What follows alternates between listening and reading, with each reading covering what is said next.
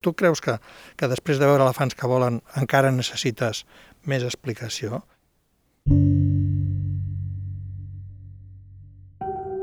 Fons. Obres de la col·lecció MACBA explicades pels artistes. No és tant una voluntat d'engany o una voluntat de fugir al món tangible per eh, evadir-se cap a l'onirisme, sinó justament una estratègia per entendre millor la realitat per eh, mantenir aquesta pedagogia del dubte i moltes vegades, més que pedagogia, fer-ne tota una profilàctica per impedir justament que eh, ens colin a ficcions. Joan Focoberta.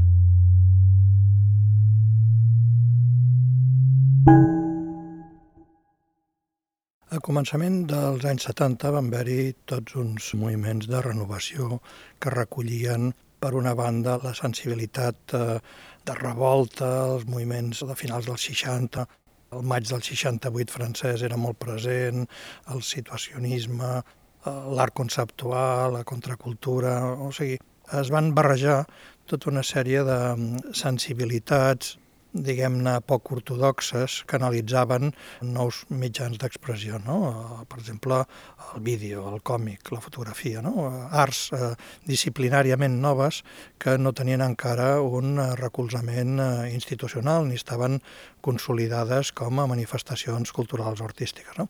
Això feia que, a més a més, donades les circumstàncies de la climatologia política i cultural del país, doncs ens trobéssim amb unes carències molt, molt evidents. Eh, podíem dedicar-nos a la fotografia o al còmic, però eh, no hi havia unes estructures, unes, unes infraestructures que permetessin un desenvolupament més o menys normalitzat, una difusió, eh, un accés a l'ensenyament i a la professió, ni hi havia doncs, eh, col·leccions ni un interès d'investigació i pedagògic eh, seriós sobre la matèria. No? I això va fer que eh, molts eh, companys de la meva generació ens dediquéssim eh, no només a una tasca de fabricació d'imatges, sinó també de dotar a l'imatge de tota la base, no? una, una infraestructura que em, em permetés, eh, com deia, el, el desenvolupament més o menys normalitzat. I això feia que en molts casos actuéssim quasi bé com homes orquestra, no? o sigui, no érem només creadors, sinó que també érem pedagogs perquè donàvem classes, eh, érem historiadors perquè fèiem una recerca del, del passat eh, fotogràfic eh, del país, eh, érem organitzadors perquè muntàvem exposicions, muntàvem festivals, érem editors perquè començàvem a editar revistes i, i tal, érem promotors perquè doncs, fèiem tot un activisme de cara a l'administració, perquè comencessin a haver-hi programes a la universitat, perquè els, els museus o les institucions públiques s'interessessin per la fotografia. És a dir, que va haver-hi totes unes tasques en les que ens desdoblàvem amb activitats que no eren necessàriament les eh, estrictament eh, fotogràfiques. No? Jo crec que això, eh, lluny de considerar-se un hàndicap, una dificultat, després ha estat molt positiu perquè eh, ha permès entendre el fet artístic o el fet eh, documental des d'un ventall de possibilitats que enriqueix el resultat. No? Aquest tipus de plantejament, eh, com deia, va ser, jo diria, un, una acció no individual, sinó generacional. No? Ens hi vam trobar tota una sèrie de companys, d'amics que treballàvem dins l'àmbit de la fotografia, però de les arts visuals en general. No? Eh, els anys 70 representen també un moment en què se supera una fase en la que la fotografia havia estat lluitant per eh, un estatus professional per accedir a un segon nivell que seria un estatus cultural o artístic. No? I això té molt a veure amb aquesta incorporació de la fotografia a la universitat i a les dinàmiques més o menys canòniques de, de l'art del moment. No? I en aquest sentit doncs, eh, ens vam trobar tota una sèrie de joves eh, a la universitat, eh, no sé, estic pensant en Pere Formiguera, amb el Jordi Guillomet, el Manel Esclusa, el Toni Catany, l'Humberto Ribas, eh, o sigui, tota una sèrie de fotògrafs que compartíem uns horitzons, compartíem unes il·lusions, uns interessos, unes maneres d'entendre la creació i que d'una manera natural eh, ens anàvem trobant, eh, sense en alguns casos conformar en grups eh, més o menys tipificats, doncs eh, hi havia un, un cert eh, esperit de camaraderia, no? d'estar eh, treballant en una mateixa direcció i que la fotografia en aquells moments venia a ser com una espècie de reivindicació, no? o sigui, intentar assolir eh, aquest reconeixement per part eh, no només de l'opinió pública, sinó també de les instàncies eh, culturals. Fruit d'aquest eh, treball en equip doncs, van néixer iniciatives com les Jornades Catalanes de Fotografia, que va ser una espècie d'apèndix al Congrés de Cultura Catalana, que havia negligit completament el fet fotogràfic. Va néixer la Primavera Fotogràfica, van néixer publicacions, és a dir, va haver-hi tota una sèrie d'iniciatives que a poc a poc van anar teixint el que seria aquesta estructura fotogràfica que avui doncs, permet eh, un treball més o menys homologable al que hi ha en altres països europeus. Fauna és un projecte que explica la història d'un naturalista alemany, Peter Meisenhofen, neodarwinista, i que per tant, com tots els neodarwinistes, pensava que Darwin havia encertat amb la seva teoria de l'evolució, però que eh, considerava que totes les teories tenien excepcions. No? I a la Haufen va voler dedicar-se justament a estudiar, a documentar aquelles excepcions a la teoria de l'evolució. No? I per aquest motiu, amb el seu equip de col·laboradors, fotògrafs, analistes, etc., viatja per tot el món a la recerca de mutacions, de híbrids, de monstres teratològics produïts per anormalitats de la biologia. No? Aleshores, aquest treball de camp eh, comportarà reunir doncs, eh, fotografies, radiografies, enregistraments eh, sonors, a vegades àudio, vídeos, dibuixos de camp, fitxes manuscrites, etc. No? És a dir, una documentació científica tal com eh, les podem trobar en els eh, museus de ciències naturals. No?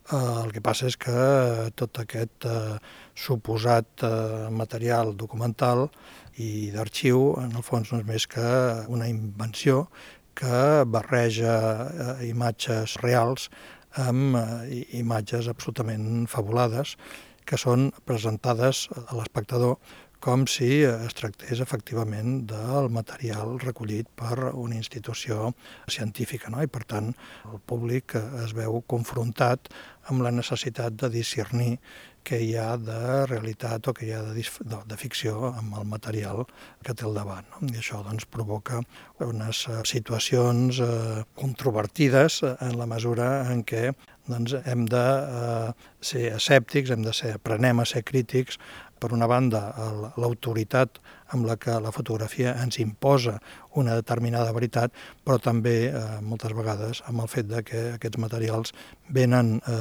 exhibits amb unes institucions, els museus, que no són neutres, sinó que també exerceixen una autoritat sobre l'espectador. No? Per tant, ve ser com una espècie d'exercici de credibilitat, exercici respecte a, a quin grau d'alerta eh, el, nostre, el nostre esprit, els nostres dispositius, diguem-ne, epistemològics funcionen quan ens trobem en situacions com aquestes. L'any 1982 jo vaig començar un projecte que es deia Herbarium, que consistia en, per una banda, un homenatge irònic al treball de Blosfeld eh, quan va fer Urformen der Kunst, un llibre de 1929, on recollia tota una sèrie de planxes botàniques de primers plans, no? grans ampliacions de detalls de plantes, flors, pistils, sèpals, etc. No? Aleshores va ser un treball que Blosfeld va fer com a material pedagògic per les seves classes. Ell era escultor i professor de forja a la Academy de Berlín i creia que encara dintre d'unes certes maneres de veure romàntiques, no? l'art eh, havia d'inspirar-se en la naturalesa i en les seves formes orgàniques. Aleshores va fer tot aquest treball fotogràfic com a material docent, com a forma de demostrar als seus alumnes les seves tesis. I el que ha passat, que ha sigut paradògic i molt interessant, és que el treball escultòric del Blosfeld ha quedat completament oblidat i, en canvi, uns, uns materials que no tenien cap pretensió artística, sinó eh, estrictament funcional, doncs avui en dia es consideren monuments de la modernitat i les imatges que justament han conformat un cert patró de visió genuïnament fotogràfica. No? Aleshores, jo reprenc aquest model, eh, que ve donat per la frontalitat, per les imatges molt gràfiques, unes imatges doncs, eh, molt senzilles, molt pregnants, amb una forma que es destaca d'un fons, en fi, o sigui, hi ha tota una sèrie d'elements de, estilístics que defineixen aquest tipus de material quasi bé científic, com de fotocòpia, eh? i l'aplico a, a un 60 anys més tard, ja no a unes plantes existents, sinó a unes plantes inventades, però fetes de tal manera que un espectador distret pot eh, arribar inclús a considerar que són eh, excentricitats de la natura. No? La natura doncs, és capaç de produir eh, formes realment extravagants i aleshores doncs, eh, no ens ha d'estranyar que millor en algun país exòtic encara creixin algunes eh, espècies tan eh, estranyes. No? I aleshores eh, el projecte doncs, eh, ve a ser com una crítica del realisme fotogràfic, però també d'aquesta credibilitat una mica ingènua que nosaltres aboquem en la lectura de la informació fotogràfica. No? Aleshores, aquest treball que el vaig fer entre 1982 i 1984, en, en l'any 84 vaig eh, fer-ne una publicació i vaig demanar al meu amic, fotògraf i escriptor Pere Formiguera, que eh, escrivís una, una introducció. No? Aleshores, el Pere, en comptes de fer la introducció tradicional, el que va fer va ser eh, escriure un conte on situava un jardí botànic amb una illa del Carib eh, on doncs, eh, creixien flors absolutament insòlites que eren doncs, eh, la sorpresa de, dels botànics i dels biòlegs de tot el món. No? El resultat doncs, eh, ens va complaure tant que ens va semblar interessant repetir l'experiència potser en un projecte de més envergadura. No? Aleshores, havent fet ja una sèrie sobre les plantes, eh, jo li vaig dir al Pere, doncs mira, podríem fer-ne una altra, sobre animals que sobre la fauna. No? El que passa que eh, el Pere en seguida es va embalar i eh, en comptes de ser un treball eh, estrictament d'imatges amb un text, va ser tota una història, podríem dir-ne una fotonovela, on doncs, eh, la biografia i les, les aventures d'un personatge que era mitat Indiana Jones i mitat uh, Humboldt, no? una espècie d'explorador de, aventurer, anava donant peu a tota una sèrie d'imatges i de descobertes insòlites d'animals verosímils. No? Per fer aquest treball, que vam començar en l'any 85, bàsicament el Pere s'ocupava més de tot l'aspecte literari, textual i jo em dedicava a l'aspecte visual, gràfic, no? és a dir, jo feia les fotos, eh, dibuixos en vam fer tots dos, eh, però bàsicament el treball fotogràfic eh, el vaig fer jo. No? Aleshores pensàvem possibles animals, no? pues una serpa amb potes, no? aleshores anàvem, fèiem un dibuix esquemàtic i anàvem al, al zoològic de Barcelona i compràvem els cadàvers dels animals, no? Que millor sembla estrany, però és, ells els venen per uh, fer dissecció a les escoles, per uh, investigació, per recerca, etc. No? I uh, això ho portàvem a un taxidermista i li deia, miri, vostè ha de posar aquí aquestes potes de gallina, no sé què tal, i el taxidermista, lògicament, amb la seva experiència professional, ens deia, no, això no pot ser perquè la pell amb les escames, no sé què pot passar. És a dir, que uh, el taxidermista acabava d'arrodonir la morfologia de l'animal resultant. No? Eh, al cap d'un temps, al principi en el zoològic es pensàvem que eren una espècie de, de Frankensteins eh, estranys que fèiem aquestes bestieses, però quan els hi vam ensenyar algunes fotografies van començar a interessar-se i a participar, és a dir, que si de sobte doncs, hi havia una tortuga que estava a punt de morir-se, ens trucaven, ei, Joan, Pere, que, que podríeu posar-hi unes ales de no sé què, tal. és a dir, que a poc a poc a, a, un projecte que havia nascut eh, d'una manera molt, molt petit comitè i senzilla va anar prenent una volada i gent d'una manera desinteressada, senzillament perquè s'hi divertien i el trobaven doncs, engrescador, s'hi anaven apuntant i anaven participant. No? Per exemple, l'Humberto Ribas ens va fer el retrat oficial del professor, uns amics doncs, van col·laborar amb diferents eh, parcel·les del treball, en aquell moment doncs, el meu ajudant era el Jorge Ribalta, que era molt bo amb el dibuix i també va fer dibuixos de camp, a dir que a poc a poc eh, el projecte, tot i que eh, el Pere i jo era els que acotàvem les directrius, doncs eh, van anar-hi col·laborant d'una manera així desinteressada amb molts, molts altres personatges de, del nostre entorn.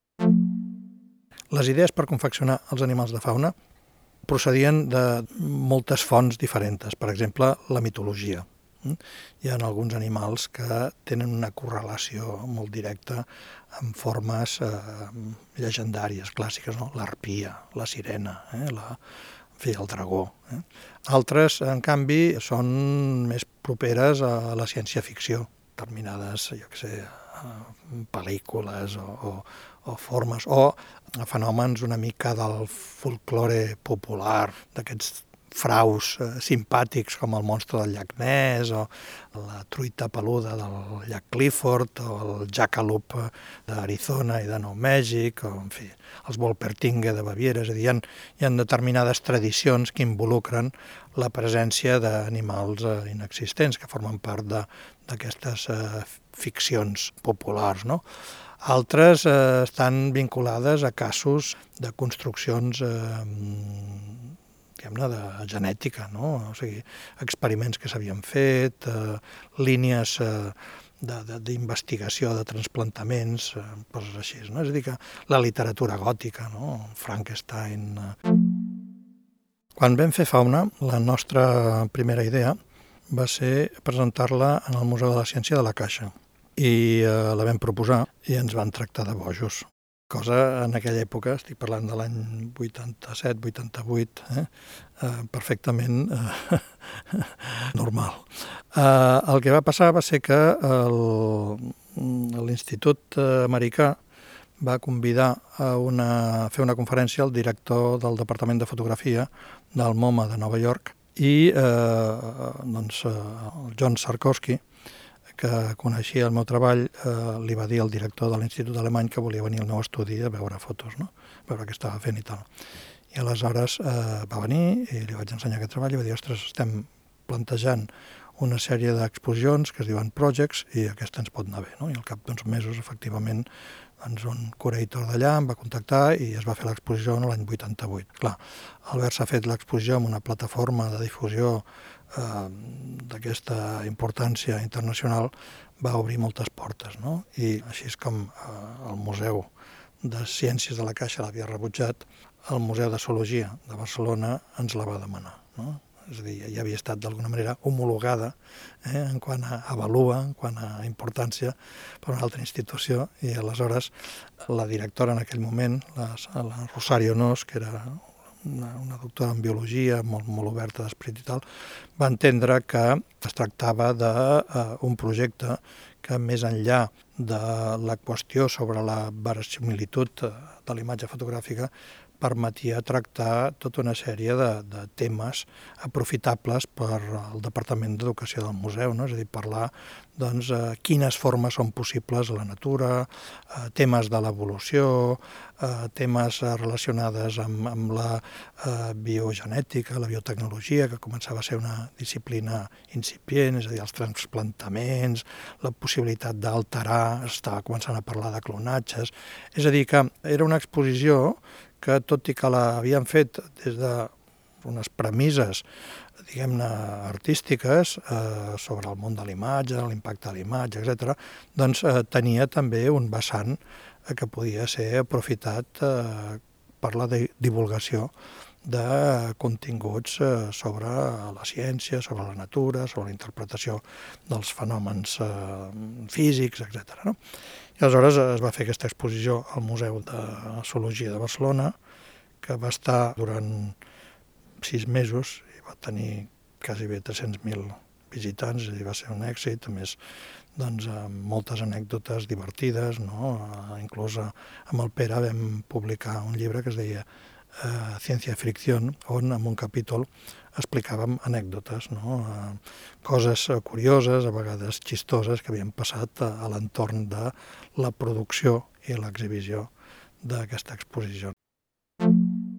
Aquest és un tipus de projecte que, quan es presenta en l'àmbit d'un text eh, científic, eh, és tal com s'ha d'entendre eh, que ha estat generat eh, originàriament, no? perquè és eh, en aquest aixopluc, en aquest eh, tipus d'entorn, que el seu potencial d'equívoc, d'ambigüetat, cobra més, més força. No?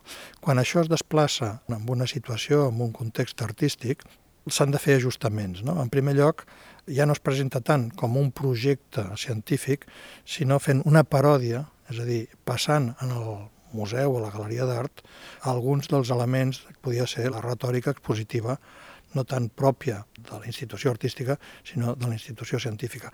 Però, sobretot, eh, jo m'he donat compte de que quan fa un es presenta en un museu d'art, no és el projecte que es presenta, sinó la documentació del projecte. No? És a dir, no és l'obra, sinó l'explicació de què ha passat quan aquesta obra s'ha presentat en un museu de ciència. No? Per exemple, quan es va presentar en el Museu de Zoologia de Barcelona, el Departament d'Educació del museu va passar unes enquestes entre els visitants i van trobar, van descobrir que un 27% dels visitants adults amb títol universitari, és a dir, que havien llicenciats, no?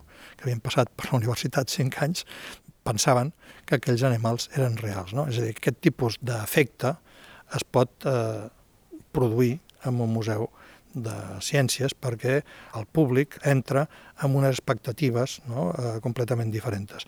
Quan tu vas a visitar un museu d'art, eh, ja d'alguna manera esperes una sorpresa, esperes doncs, que hi hagi una certa subversió d'algun tipus de material o de forma o de presentació, és a dir, ja, ja estàs una mica a la white d'un treball que deconstrueixi eh, unes determinades expectatives. No? En l'exposició, els textos de sala i la informació institucional donaven unes certes pautes que jo diria que induïen a un lector atent a dubtar. No? Però l'exposició mateixa donava també unes claus. No? És a dir, si algú es mirava les imatges amb atenció, de sobte es trobava uns elefants que volen. Entens? És a dir, el que passa que la foto dels elefants que volen és una foto petita que està en una vitrina. Aleshores, si tu no t'has mirat amb atenció tots els materials, a lo millor et passa per alt. És a dir, que també l'exposició venia a ser com un test de lectura de com eh, digerim el material que ens dona una informació. No? I per altra banda, eh, hi ha tot un, un joc, eh, tota una estratègia de eh, justament no censurar, però sí calcular com l'atenció de l'espectador es va minvant a mesura que se'l satura amb dades. No? Per mi, eh, el que passa en el museu és extrapolable a la vida real, a la nostra pràctica de cada dia, no? la pràctica quotidiana. En el fons, eh, moltes vegades, eh, les formes de censura contemporànies ja no estan tant en eliminar o badar o prohibir informació, sinó dissoldre-la amb tota una sèrie, amb una llau de dades absolutament caòtica que fa que allò que és important quedi sepultat. La sèrie Constel·lacions ve a ser un, un parany on unes imatges eh, on sembla eh, que veiem eh, estels o galàxies, fotografies fetes a través d'un astrotelescopi, en, en realitat no són més que els mosquits que han esquitxat el parabrises del meu cotxe. No?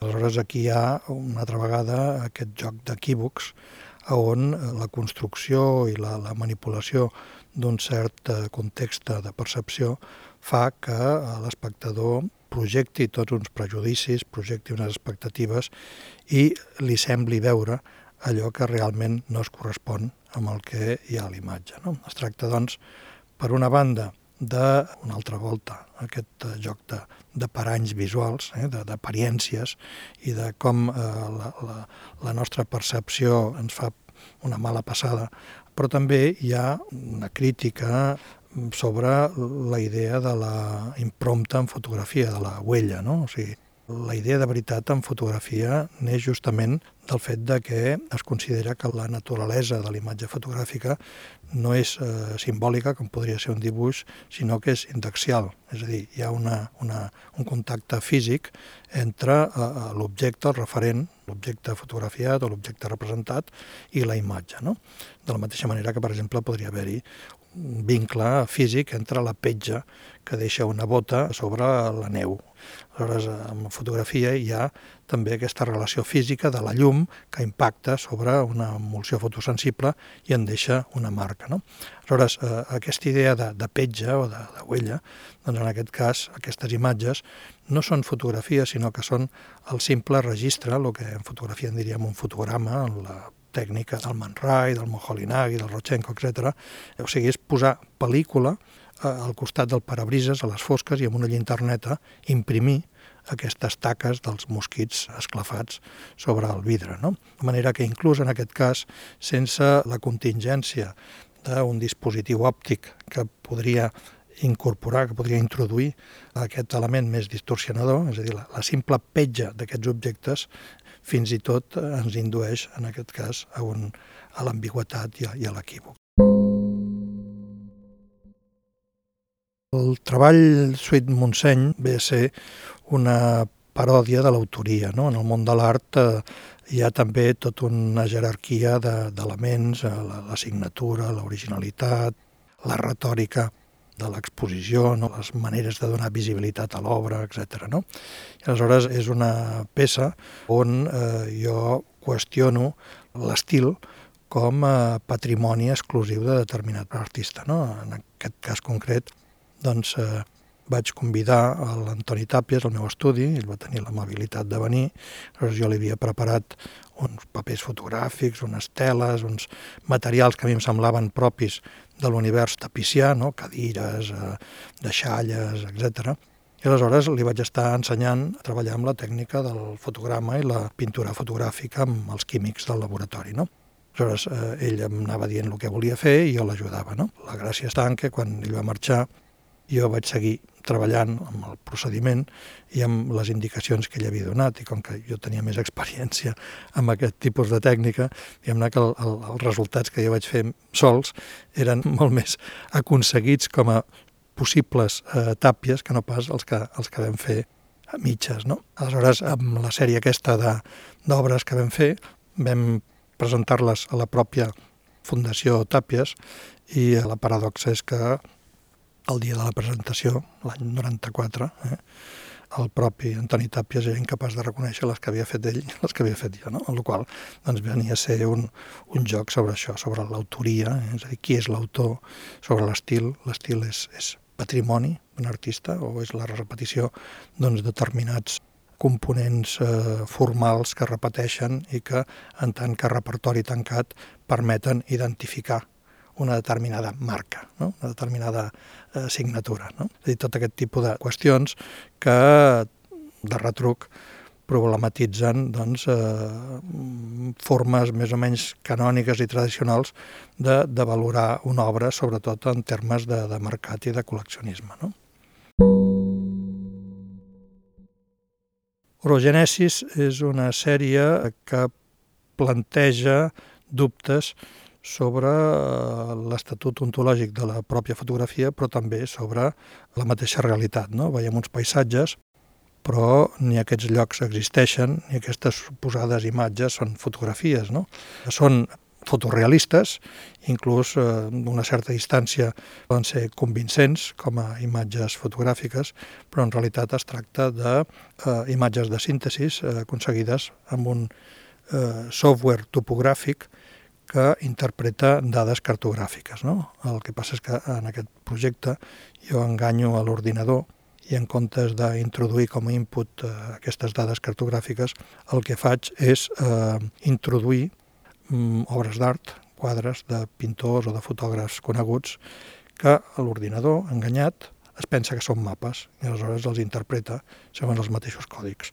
I el resultat és un paisatge delirant, però paisatge a la fi perquè eh, Paisatges és l'únic que sap fer aquest programa. No? És a dir, aquest és un programa que eh, funciona amb un vocabulari de muntanyes, de núvols, de llacs, de cràters, de valls, eh, de deserts, etc. No? És a dir, introduïm el que introduïm, podem introduir una cançó, podem introduir una cara, podem introduir un poema, el que sigui ens ho convertirà, ens ho transformarà en un paisatge i el rerefons també podria ser una espècie d'al·legat eh, postmodernista en la mesura que Orogenesis ens ve dir que avui per representar la natura ja no cal l'experiència directa de la realitat, sinó que ens serveix l'experiència de les imatges prèvies, és a dir, de l'art.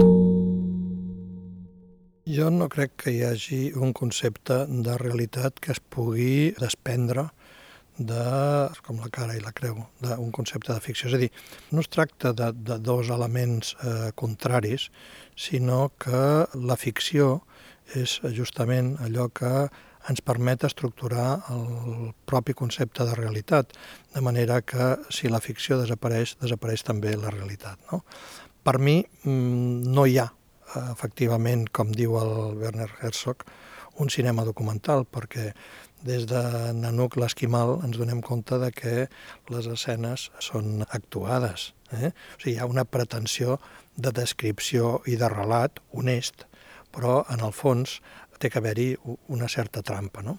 De fet, és una cosa que eh, li ha passat a la fotografia també. Per exemple, amb, amb un llibre que vaig publicar fa poc que es diu La càmera de Pantora, amb un capítol analitzava un dels primers eh, daguerrotips de la història, que va fer en 1838 el Daguerre, és a dir, un any abans de que es divulgués públicament el procediment, on eh, es veu una vista d'un boulevard de París feta des de l'estudi del Daguerre, des d'una finestra amb un edifici una mica elevat, i aleshores es veu eh, un, una, un carrer completament eh, desert i aleshores hi ha un limpiabotes doncs, netejant les sabates d'un client. No? Un daguerrotip en aquella època doncs, necessitava diversos minuts d'exposició vol dir que si els carrers estaven deserts era perquè tots els viandants i tots els carruatges al transitar no deixaven cap marca, no? És a dir, només quedaven els elements absolutament estàtics, els arbres, els edificis, etc. Aleshores, què vol dir? Doncs que aquell limpiabotes en realitat no era tal, era un, un figurant o era l'ajudant del fotògraf que es va estallar els minuts necessaris quasi sense respirar fins que segurament el fotògraf li va fer una senyal i va dir ja està, ja hem acabat, no?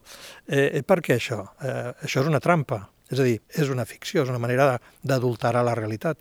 Però en el fons el que volia Daguerre era mostrar l'activitat del carrer, no? la, la vida.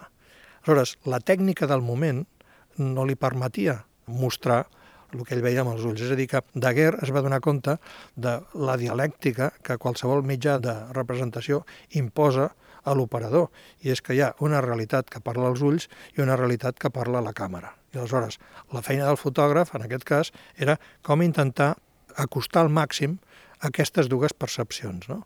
Aleshores, si la tècnica d'aquell moment del daguerrotip no permet agafar la vida perquè qualsevol element en moviment eh, no, no, no deixa eh, la seva impronta en la, en la placa, doncs hem de recórrer a una trampa perquè el resultat s'assembli una mica al que estem veient. És a dir, és una manera, la trampa ens permet acostar-nos a la realitat. La ficció no és per enganyar-nos. La ficció és perquè entenguem allò més com realment és, que no pas com un ull mecànic il·limitat del, de l'aparell fotogràfic ens ho està ensenyant. No? I això ho podem extrapolar al cinema i ho podem extrapolar a moltes altres uh, esferes de, de la vida. Eh, entenc que qualsevol art que valgui la pena té un component polític, inclús encara que l'artista no en faci una bandera d'això, no? Per mi les imatges eh, avui en dia ja no són només representacions de la realitat, sinó que són realitat. És a dir, eh, són elements que formategen el nostre esperit. Per tant, tot artista que es vinculi a les imatges té, evidentment, una responsabilitat. No? Una altra cosa és que en sigui conscient o no, però aquesta responsabilitat hi és perquè està contribuint a generar uns elements que després tindran un impacte amb eh, la nostra opinió, amb les nostres sensibilitats, amb les nostres reaccions, en la nostra presa de decisions. No? Per tant, jo diria que com a artista hi ha un compromís eh, amb aquest tipus de construcció de realitat s'orienti cap a una voluntat eh, més d'emancipació, més de resistència, més de crítica que no pas de submissió, que no pas eh, de, de contribuir a, a generar imatges eh, adulcorades eh, que ens fagin proclius eh, al consum. No? És a dir, hi ha una responsabilitat i aquesta responsabilitat jo l'orientaria, no d'una manera dogmàtica, cap a aquesta direcció.